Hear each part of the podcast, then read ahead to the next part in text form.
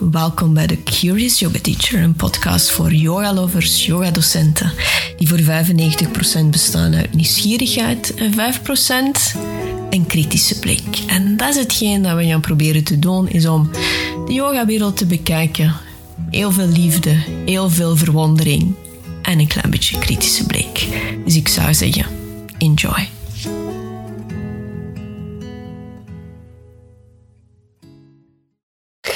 Is Vinyasa dood? Hmm, dat is misschien wel een heel uh, streng of direct statement om mee te starten.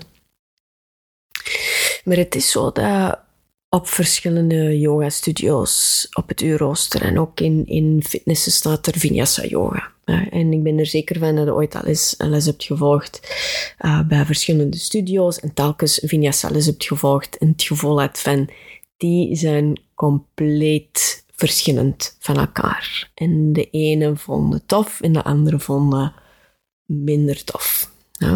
Ik ben er zeker van. Ik heb dat al meegemaakt, dus ik denk dat jullie dat ook al hebben meegemaakt.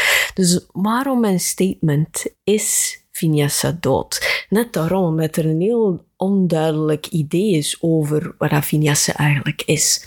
En als u kijkt naar de exacte vertaling van vinyasa, vinyasa betekent letterlijk to place in a special way. Dus om te plaatsen op een hele specifieke manier. Hoe dat wij vinyasa kennen is vooral met het idee van we linken de beweging aan de ademhaling. Dus altijd het eerste dat komt is de ademhaling en we linken die beweging eraan, zodat we een, een continue flow krijgen van de ene houding naar de andere houding. Maar hoe is dat natuurlijk geëvolueerd, die Vinyasa yoga? Um, zo oud is het niet. Het is een hele recente yoga-stijl.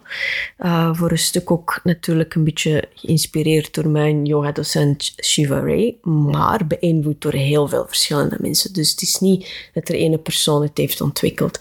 Maar van waar komt het nu, die Vinyasa yoga? Dus hoe dat ik het een beetje zie, de evolutie is een, dat het een afgeleide is van Ashtanga Yoga. Daar is het mee gestart.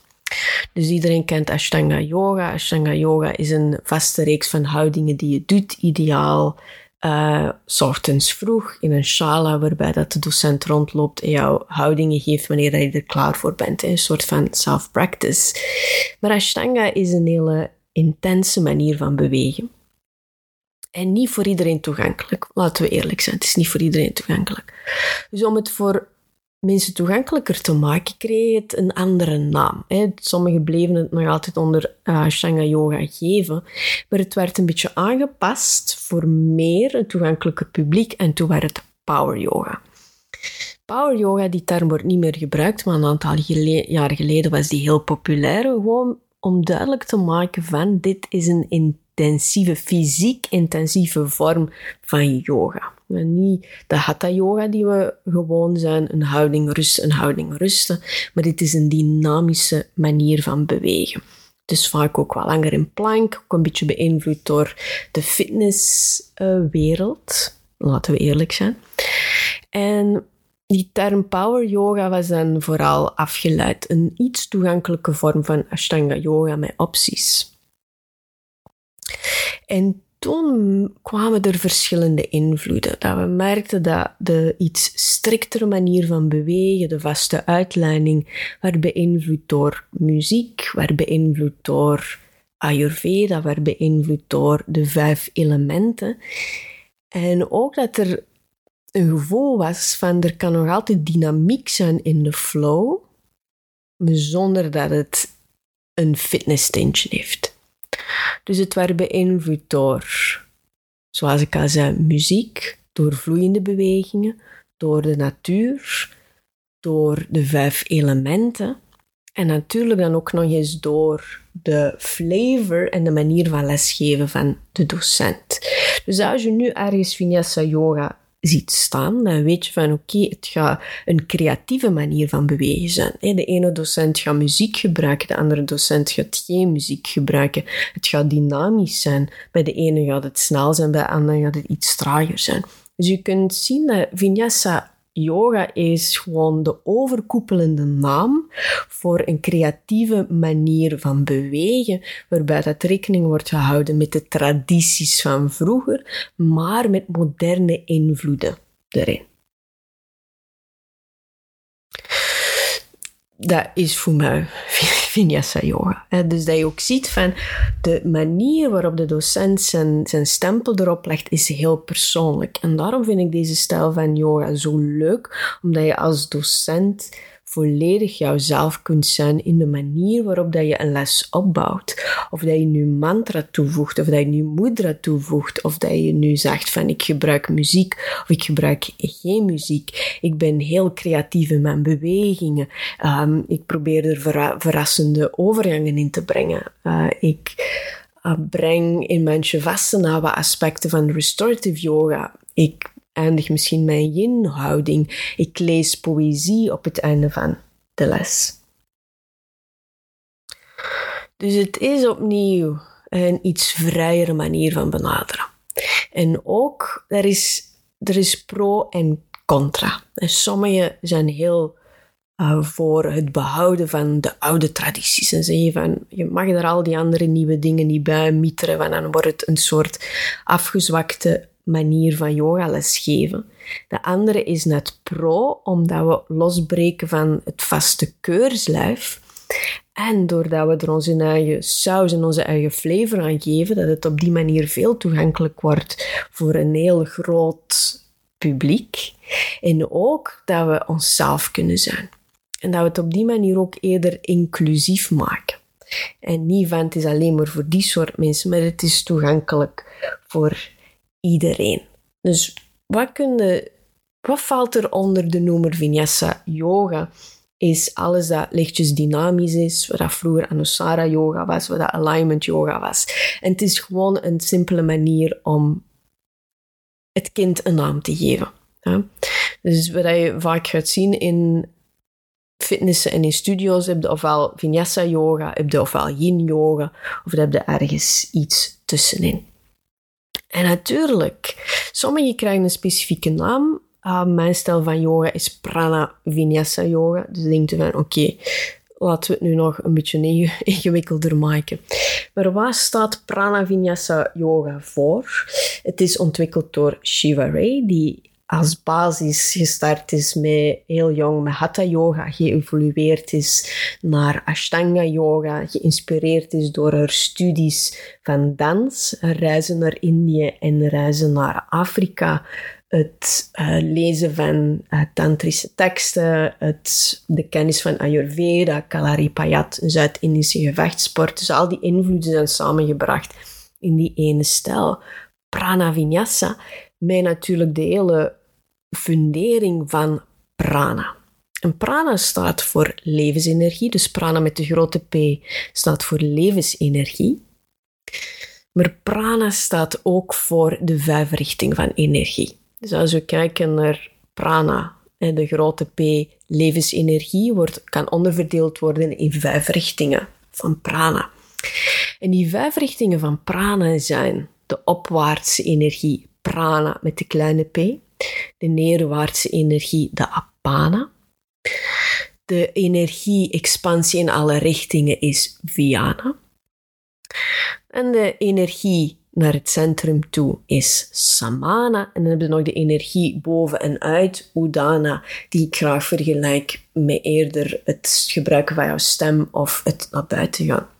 Dus net die combinatie van die vijf richtingen van prana, de richtingen in Sanskriet is Vayus. Dus als we het hebben over de prana Vayus, hebben we het net over die vijf richtingen van prana. Is dat het opnieuw een iets meer energetisch, een energetische blik geeft op yoga. Dat je ziet dat in ons lichaam stroomt er heel veel energie. Als we houdingen doen, als we yoga asanas doen, stimuleren we die energie. Kijken we ook of we proberen ook een vorm van balans te krijgen in die energie. En als je dan kijkt naar een lichaam, dan kun je heel duidelijk zien van, ah oké, daar is er een beetje te weinig dit, daar is er een beetje te weinig dat. dus, dus dat is voor een stuk de fundering, de grondleg van Prana Vinyasa, is dat we de les opbouwen volgens de vijf richtingen van prana. De houdingen zijn gefundeerd op de vijf richtingen van prana. De thema's zijn gericht op de vijf richtingen van prana, ook is gelinkt met de elementen. Dus dat is hoe dat prana vinyasa yoga het ziet. Als je bij iemand anders les gaat volgen, je merken dat het misschien wel lineair is of op een andere manier wordt gegeven. En dan als we ook een beetje kijken naar hoe dat een vinyasa-les wordt gesequenced, kunnen we daar echt ook heel duidelijke lijnen in zien. De manieren van sequencen. Eén manier is op een soort vaste structuur lesgeven, dat je altijd op dezelfde manier begint, het midden van de les en het einde van de les is op dezelfde manier.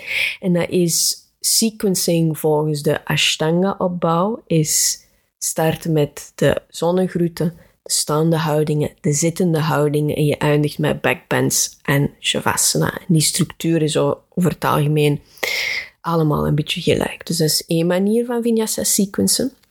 Een andere manier van vinyasa sequencing is progressie. Dus dat wil zeggen dat je start met een set van simpele bewegingen die telkens complexer, complexer worden. Je hebt het idee dat elke beweging herhaald wordt en dan nog eens complexer wordt gemaakt met uiteindelijk een soort van een hoogtepunt om dan langzaam naar beneden te dalen.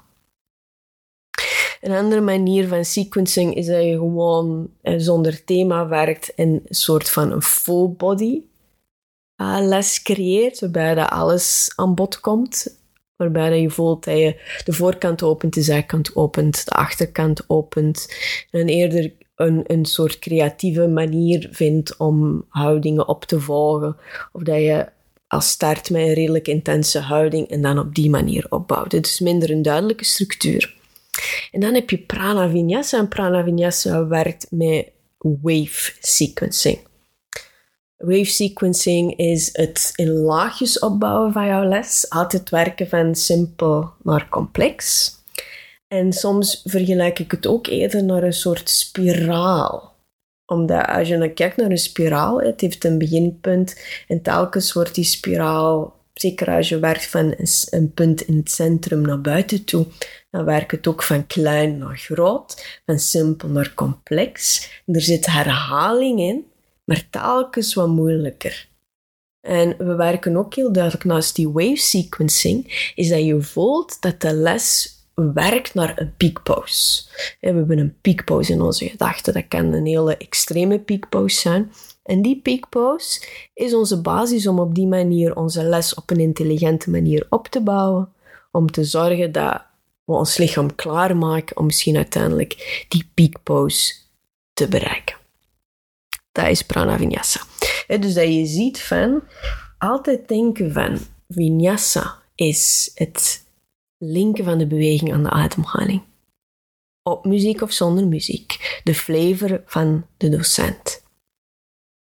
En dan voel je soms dat de ene persoon een hele actieve manier van lesgeven heeft en de andere persoon een meer zachtere manier van lesgeven heeft. En dat benoem ik dan eerder van in de vinyasa lineage, in de vinyasa stroom, kunnen op een solar manier lesgeven. Maar je kunt ook lesgeven op een lunar manier. Afhankelijk van hoe dat het weer is, welk seizoen dat het is, de stand van de maan, alles kun je beslissen van, oké, ik heb een vinyasa-les, nog altijd de flow en de beweging die de ademhaling volgt. De ene een meer actief karakter, de solar, en de andere meer een rustig, introspectief karakter, de lunar. Nu terugkomen op mijn statement van helemaal in het begin, is vinyasa dood, dan buried, dead, gedaan, kapot, over. Wel, ik denk het niet. Omdat Vinyasa net als docent jou de kans geeft om er jouw eigen karakter in te leggen. Om de les aan te passen aan de mensen die er zijn op dat moment, denk ik dat het gewoon een yoga-stijl zal zijn die alle invloeden van het moment gaat meepakken. En gaat meedijnen op de beweging van hetgeen dat buiten gebeurt. Dus dat je ziet dat vinyasa een vertaling is van hetgeen dat buiten jou gebeurt en ook af en toe de antidote is van hetgeen dat buiten jou gebeurt. Dus is de beweging heel naar buiten toe. nou ja, de voelen dat je in de les de neiging gaat hebben om eerder een les te geven die introspectief is. En zo te werken met de, met de thema's die buiten jou aanwezig zijn. Dus het is een yoga-stijl in evolutie en ik ben ervan overtuigd dat vinyasa is here to stay in verschillende vormen, op verschillende manieren. Dus ik zou zeggen, als yoga-student, test het uit, probeer verschillende en je gaat merken, je gaat een aantal favorieten hebben, maar schuif diegenen die niet jouw favoriet zijn, benoemt die niet als, oh, die zijn niet goed. Die zijn gewoon, die passen gewoon niet bij jou. En ik ben er zeker van een aantal mensen die andere stijl, die jou niet ligt, wel heel fijn en heilzaam vinden. Dus ik zou zeggen van Vinyasa Everyday. En hopelijk heb je genoten van deze freestyle, free flow uh, podcast aflevering. En hopelijk tot de volgende.